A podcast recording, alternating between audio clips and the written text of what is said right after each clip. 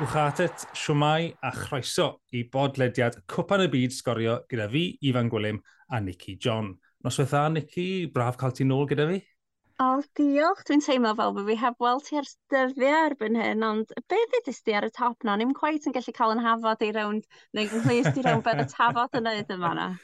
fi wedi switcho i at allegiances eraill, lle mae gyda fi mwy o chance o fynd yn bellach yn cwpan y byd y fan hyn. Isel direg fi'n, ie. Uh, yeah. um, yeah, trwy'n ni siarad, mi'n ni'n uh, yn pico uh, colled i Gymru, a nawr ni am, am wneud eto mm. uh, i, unrhyw un sydd ddim yn gwybod beth sydd wedi digwydd yn ystod y gemau dydd mawrth, dyma'r penawdau. Mae'r cwpan y byd ar ben i Gymru wrth iddyn nhw golli o dair gol i ddim yn erbyn Lloegr sy'n sicrhau eu lle ar fri grŵp B. Eu gwrthwynebwyr nhw yn yr ail rown bydd Senegal nath giro Ecuador yn gynharach yn y prynhawn. Yr iseldirodd yn cipio grŵp A wrth giro Qatar ac yn ei gwynebu nhw nesaf fydd yr Unol Daleithiau nath giro Iran i neidio i'r ail safle yn grŵp B. Wel ie, yeah. tair i ddim i Loegr, Nicky. Fi'n credu falle os byddwn ni'n mynd grŵp arall, a taw dim un cymdogion ni oedd yn curo ni fel top seeds. Uh, falle byddai'r bydd uh, golled yna ddim yn brifo gymaint, falle? O, ti'n gwybod, ie, falle. Um, Mae'n anodd, achos yn bersonol, dwi ddim yn teimlo'r um, y boen a'r siom eithafol na'n dilyn y canlyniad yna heno. O'n i'n teimlo hynny'n fwy ar ôl colli yn erbyn ei ran. Um, o'n i yn teimlo'r nerfysrwydd a phopeth oedd yn dod gyda hynny yn y gêm gyntaf yn erbyn America yn, y, yn, yr, yn yr hanner cyntaf. Yn yr ail hanner wedyn, o gennau obaith a dyna pam falle bod y gêm yna'n erbyn i ran wedi bod yn, just yn gymaint o siomiant rili really, ac yn wynebu'r penwythnos wedyn yn gwybod, wel, mae hyn yn golygu bod rhaid i ni giro Lloegr a da ni gyd yn ymwybodol twad, o, o faint o gamp mae hynny. Felly, a fysa fo'n brifo, tasyn ni'n colli i unrhyw un arall heblaw am Loegr yn y grŵp yma? Siwr o fod, ond ar ddiwedd y dydd, dwi'n meddwl unwaith gawn ni gwpl o ddyddiau i gamu ffwrdd o hyn, um, a just cymryd fewn i ystyriaeth faint o, o gamp mae o wedi bod i weld Cymru yn chwarae ar lwyfan cwpan y byd a faint o lwyddiant mae lle da ni wedi cyrraedd yn y degawd dwyth yma wedi bod. Um, dwi'n meddwl fydd y, fydd y teimlad na o falchder yn cymryd drosodd eto.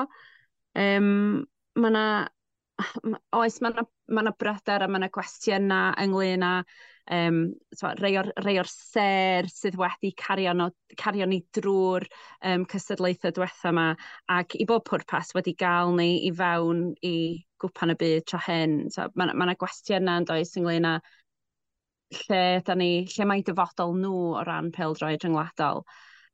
Ond mae hyn yn rhan o o bêl-droed rhyngwladol yn y bôn. So, Mae'r ma, ma ser yn dod, does na'm opsiwn o brynu talent i fewn, neu prynu talent tebyg, neu gwell i fewn fel sydd ti'n gweld yn digwydd yn, mewn pêl-droed clwb. Da ni'n llythrenol yn sôn am feithrin talent y dyfodol, a twa, da ni'n gweld um, egin hynny rwan yn dydan. Um, oh, wow, a ni... hanner amser, wnaethon ni weld Brennan Johnson yn dod mlaen am Gareth Bale, a hwnna oedd passing of the guard bron o bod. Yeah. Dim i weid bod Gareth Bale hwnna oedd fe'n camu off y llwyfan rhyngwladol, ond mae fe yn symbol o shift sydd yn mynd o'r hen dona sydd wedi bod gyda ni lot o nhw ers 2016 a sy'n nawr, i fi, fi'n meddwl rhaid i ni nawr pan i ni'n edrych ar y garfan nesaf, fi credu beth sydd wedi bod yn digwydd yn y gorffennol yn ddiweddar yw ni'n dechrau pigo'r garfan wrth edrych pwy oedd yn y garfan cynt a pwy sydd hmm. wedi'n performo i Gymru yn gynt, a dim yn edrych digon ar pwy sydd yn chwarae ar hyn o bryd i'r clybiau, pwy'r chwaraewyr ifanc sy'n dod fewn. A fi credu oedd na ddiffyg chwaraewyr ifanc, fi gweld Oli Cooper yn un enw nath ddod lan yn aml ar ôl i'r garfan dod mas. Um, oedd ddim wedi cael cyfle tro hyn, a falle bod na enwau hun, uh, oedd ddim yn debygol o chwarae ar unrhyw adeg. O'n i ddim yn meddwl ar unrhyw adeg bod Chris Gunter yn mynd i ddod ar y ca, er enghraifft. Uh, un peth am Johnny Williams. Uh, ond, ie, yeah, gobeithio pan fydd, bydd yna llechen lan llwyr i gael. A os oes yna galw am Gunter, Johnny Williams, ac wrth gwrs Garth Bale a Aaron Ramsey, wedyn ni ar bob cyfrif, maen nhw'n yn y garfan a ni'n gwybod bod ni yn gallu ymddiried ynddyn nhw. Ond os ydyn nhw ddim yn chwarae, a mae yna bobl eraill yn chwarae yn bencampwriaeth sydd yn wneud yn dda, wedyn ni dylai enwau nhw fod yna yn gynt.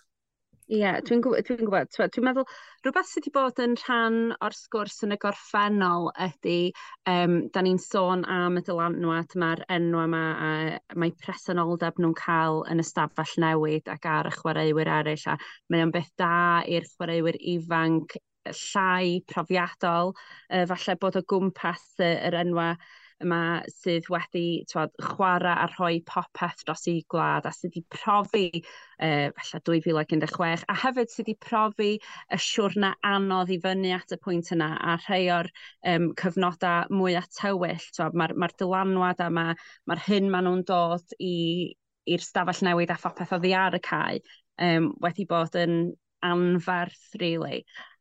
Ond dwi'n meddwl rwan mae'n amser, fel ti'n ti, sôn am y changing of the guard yn fanna ag ati, um, mae'n amser, twed, dim ond hyn a hyn o sentiment sy'n mynd i gario pethau am, am gyfnod o amser ynda, a wedyn mae'n rhaid dechrau meddwl am, oce, okay, wel, sut da ni'n addasu ddi ar y cae. Ac yn Brennan Johnson, ac yn Ruben Colwell, a um, twed, rei o'r to ifanc fel yna. Twad, Nico Williams. Meddylia llefydd Nico Williams mewn pedair mlynedd. Mm. Gobeithio meddylia llefydd Ethan Ampadu mewn bedair mlynedd, neu hyd yn oed cyn hynny yn yr Euros. Um, felly, ydy, mae'n ma un anodd i lyncu rwan, falle, ond dwi'n meddwl bod o'n sioc i ni os da ni'n hollol onest na di. Os da ni'n mm. onest efo'n hynny, di o ddim yn sioc. Na, y canlyniad uh, yn erbyn Lloegr yn sicr ddim yn sioc. Do'n ni'n chwarae yn erbyn un o'r prif detholion y grŵp. A dyna beth Ceri beth o'n i'n meddwl. Os byddwn ni'n colli tair ddim i Brazil, dod, hwnna yw beth byddwn ni'n gweud, wel, dyma pam ni'n yn cwpan y byd i chwarae neu gym yma yn erbyn tîm y gorau, ac wrth gwrs ni'n mynd i golli o tair gorau ddim. A fi ddim yn meddwl byddwn ni'n teimlo fe mor well, bersonol a be ni'n neud am golli yn erbyn Lloegr, lle ddim yn meddwl bod ni'n rhoi nhw ar gymaint o pedestal, falle ar rhywun fel Brazil neu Ariannin, um, a dydyn ni'n uh, yeah, resento nhw tyma bach, falle, achos da Lloegr nhw. Um, a, a fel wedys ti'n gynt, y, game i'r ran yna, achos it is the hope that kills you, dyna'r un nath i ni, achos mi oedd gyda ni cyfle gwirioneddol um, um, tog, i gael o leia pwynt, o gobeithio buddigoliaeth yn y gêm i'r ran yna. Um, o'n i'n gwrando ar uh, cyfweliad uh, Catrin Heledd gyda Robert Page ar ôl y gêm. A mi nath e weid, oedd e'n meddwl bod ni'n outstanding yn uh, heb y bil yn y hanner cyntaf. Uh, a fi'n meddwl oedd hwnna'n tyd, yn gloso'r ffaith... Sut mae hynna'n gweithio? Sut mae, yeah. sut mae bod yn outstanding heb y bel mewn gêm o bel droed yn gweithio?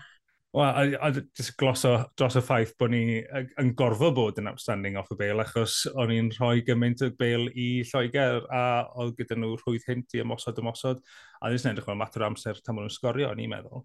A mi nath o hefyd dweud, uh, e, consido gallu ni bod yn well gyda'r bel, a ni'n meddwl bod hwnna'n un o understatements y cwpan y byd i Gymru, oedd gallu ni'n un yn well gyda'r bel, ac credu hwnna oedd... Um, o'n, on ni, Fi ddim yn gallu meddwl am sawl cyfle ar gol oh. wnaethon ni greu. Keith Mo falle yn erbyn y ran yn gynnar. So, oeddi hwnna'n gwestiwn mawr dros Rob Page am beth i dyfodol e?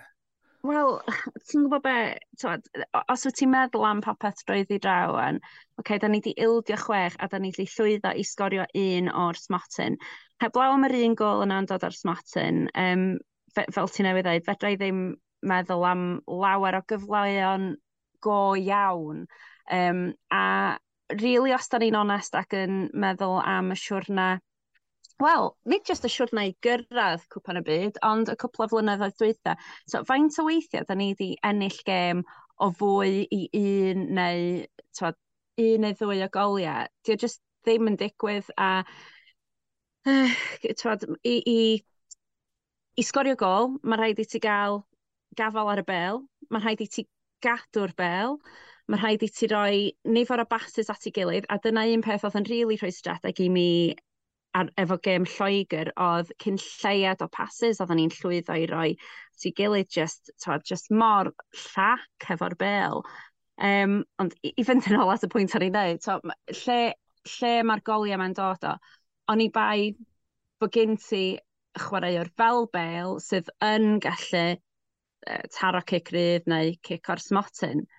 A di, di hynny mond yn digwydd weithiau erbyn hyn. So, dwi'm yn siŵr lle da ni'n mynd i gael y goliau yma. Mae falle bod e'n bwynt da i symud mlaen uh, yn fyna. Felly, y gêm arall oedd i'r rhan yn ebyn un o daleithiau yn y grŵp, a nath un o daleithiau giro uh, o un gol i ddim. Um, Christian Pulisic yn sgorio unig gol y gêm. Un Unol daleithiau cyrraedd ar ail rownd, felly a bydde Cymru wedi gorfod curo Lloegr o bedair gol neu fwy er mwyn mynd i'r ail rownd a fel ti'n newydd dweud, Nicky, o le oedd y peder gol na mynd i ddod. um, un o'r Daleithiau wedi cael trydydd yn 1930 yn y Cwpan y Byd cyntaf, ond yeah, yn y deg mlynedd yr hugen diwetha, uh, corteri yw'r gorau maen nhw wedi wneud, a oedd hwnna yn 2002. Felly dyna'r targed i nhw i gyrraedd y cwarteri o leia.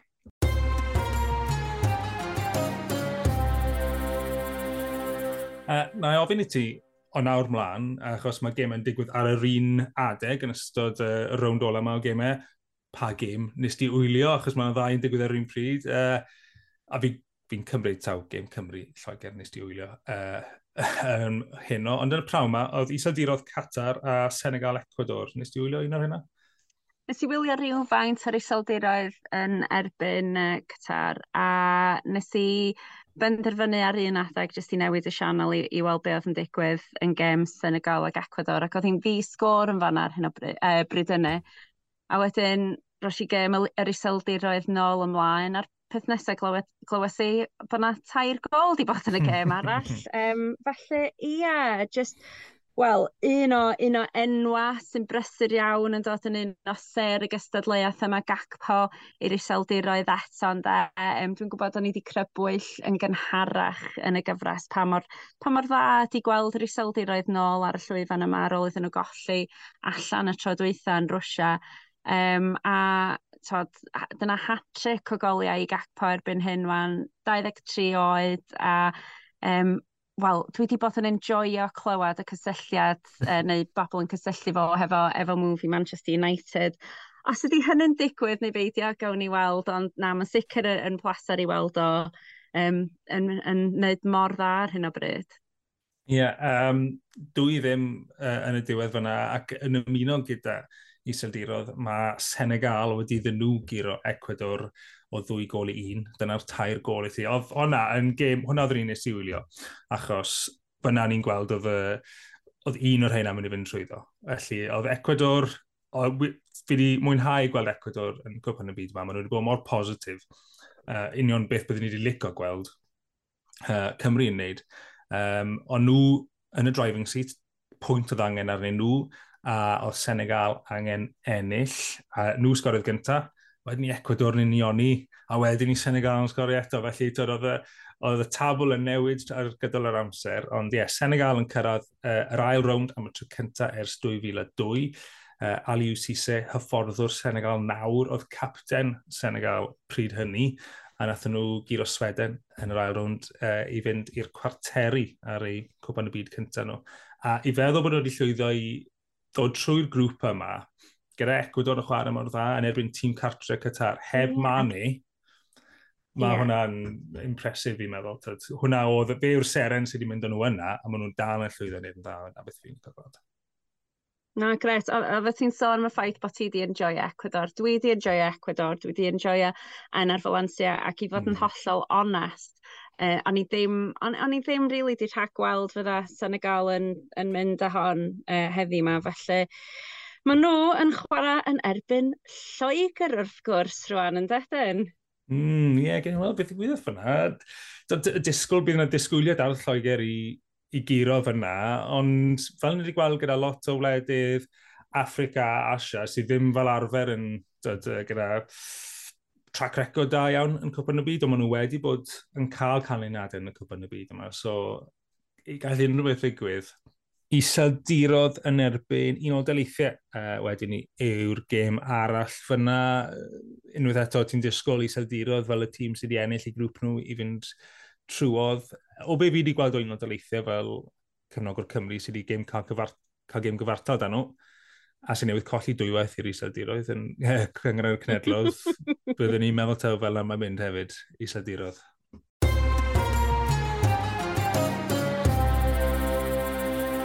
Edrych mlaen at uh, gemau dydd mercher felly, mae grŵp Ec a grŵp D yn chwarae gemau nhw.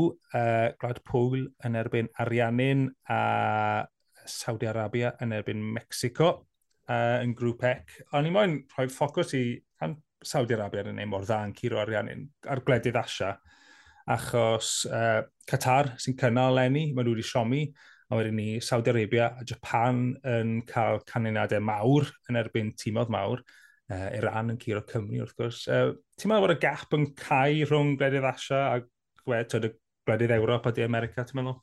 Um, Wel, ar sail beth da ni wedi weld, da ni wedi gweld twad, da ni wedi gweld siocs yn do, fel ti'n dweud. Um, Dwi'n mynd gwybod, falle, ydy yn rhywbeth bod ni ddim yn gwylio gymaint o beldroed Asia yn raddfol beth bynnag, a wedyn mae llwyfan cwpan y byd just yn rhoi'r cyfle yna i ni, i ni wylio ti ma fysyn ni ddim yn gwylio reidrwydd fel arall. A falle dyna pan bod o'n syndod i ni. Um, so, just meddwl yn ôl reit ar y dechrau un Saudi Arabia yn curio'r ariannin, oedden ni'n sôn amdano fel, fel un o siocs fwyaf yn holl hanes cwpan y byd, a wedyn diwrnod yn ddiweddarach, Japan, yr Almain, mae hwnna'n sefyll allan ac yn aros yn y cof. Ond wedyn, ar ôl colli Sbaen, ti'n meddwl bod Costa Rica oedd yn hollol, hollol anobeithiol, maen nhw'n dod allan ac yn cyrraedd Japan o gol i ddim. So, to, fys, yeah, maen nhw'n neud yn dda ar un ystyr, a wedyn yr gêm nesa, mae yna ganlyniad sydd yn gwbl chwith i'r disgwyl ar dystiolaeth y gemau blaenorol. Um, felly, dwi'n meddwl, ydy'r ydy gap yn closio, neu ydy'n ni jyst yn cael mwy o gyfle i, i weld nhw ac, ac i, wer, i werthfawrogi i peldroed nhw o bosib. Ac wrth gwrs, twad, da ni'n sôn am y tîm yma, wel, da ni yn cofio yn, yn amlwg iawn yn yn, yn, yn meddwl i ni i ran yn Ciro Cymru. Ac oedden nhw newid golli o chwech gol i ddwy yn erbyn Lloegr, felly Um, o, oh, dwi jyst yn dod â chynlyniad sy'n brifo i fewn i'r sgwrs eto, ond ydw. Byr ti off hwnna eto, mae'n yeah, ma cysondeb falle yw'r broblem gyda'r rhai gwledydd, achos falle bod nhw ddim yn cael y cyfle i chwarae yn erbyn tîm o dda Ewrop yn gyson, a neu tîm o De Merc yn gyson, so mae cael y cysondeb yna a, a gallu cael canlyniadau dro ar ôl tro yw falle'r broblem.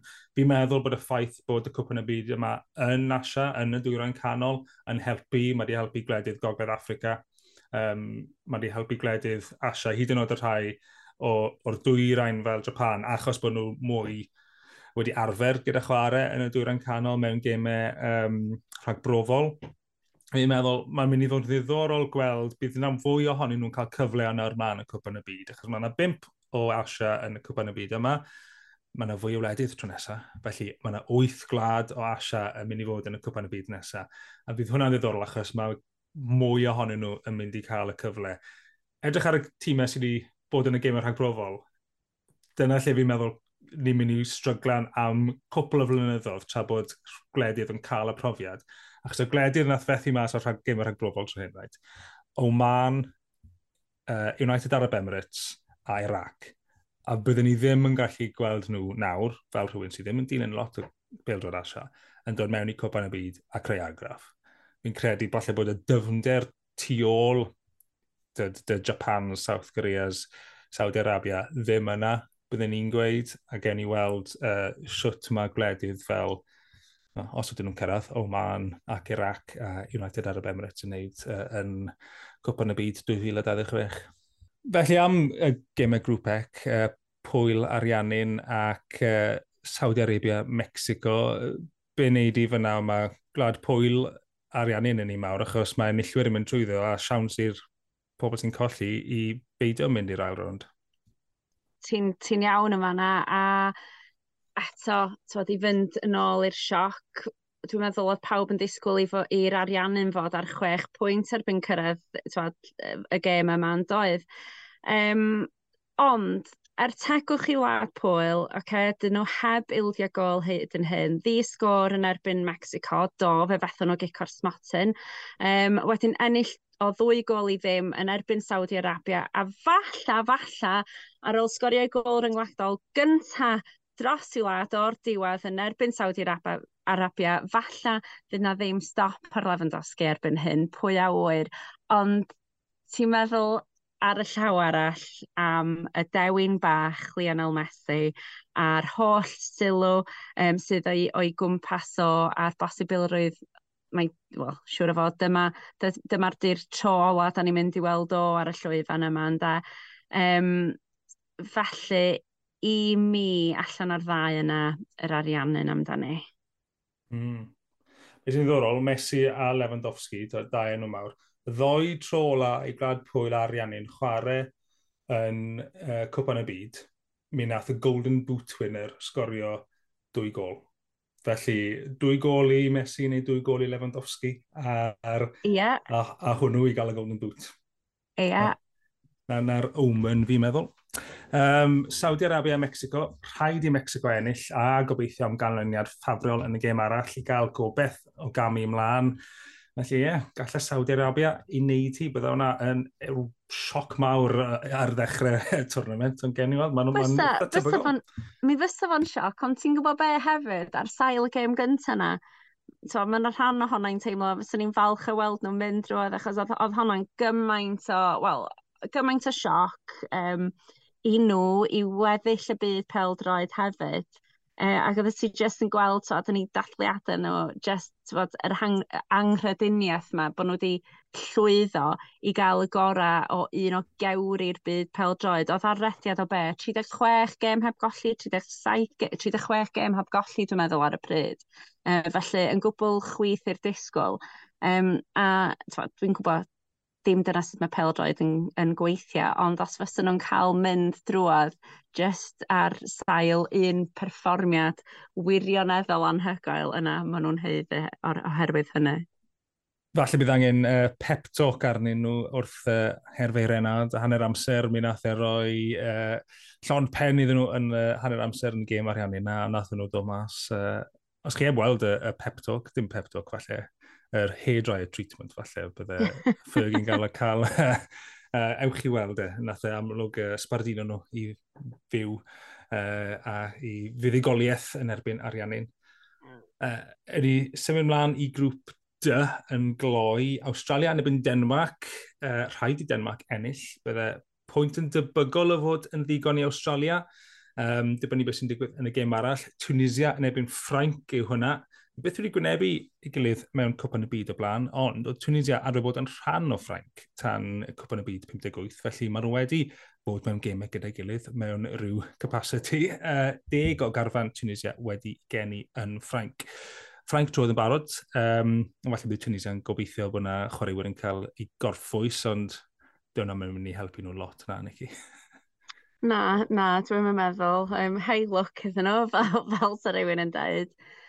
Dwi ddim yn gwybod Australia, dwi'n meddwl. Mae, ma Denmark illa di bod yn siomedig. Um, dwi'n gwybod hawdd i mi eistedd yma fel Cymraes a dweud hynny mhm. heno, ond ie, yeah, di, falle, so, teg dweud bod Denmark di tan gyflawn i, a falle bod Australia yn, yn heiddi um, cyfle bach i, i fynd ymlaen. Dwi'n mm. gwybod beth ti'n meddwl.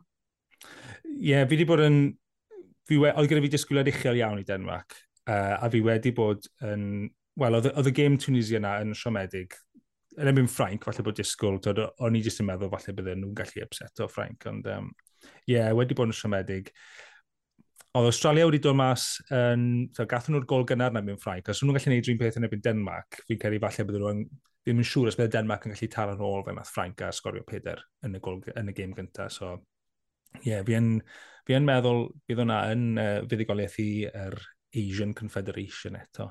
Alla, um, o, o, o ran Denmark, alla fo hynny'n rhywbeth, so, da ni'n gallu ieithu efo fo, ond i bai bod ti'n dod allan ar, twod, ar y droed flaen yn y gêm gyntaf yna, y gêm agoriadol, twod, don't leave anything out there, lle mae rhaid ti roi popeth o'r cychwyn cyntaf neu ti ar y droed o ôl. Hmm. Ie, mm. ie, yeah, yeah. ewch amdani neu ewch adre. Diolch uh, am ymuno da fi, Nicky. Diolch am ddod nôl. O, oh, diolch am y gwahoddiad. Diolch i ti adre am wrando, boed hynna dros dy frecwast neu ar dy ffordd i gwaith neu yn dyn o lan yn Qatar. Uh, fyddwn ni nôl tro nesaf i edrych ar y gêm yna yn grŵp ec a grŵp D ac edrych ymlaen am gamer diwrnod wedyn, ond uh, tan hynna, tot scenes.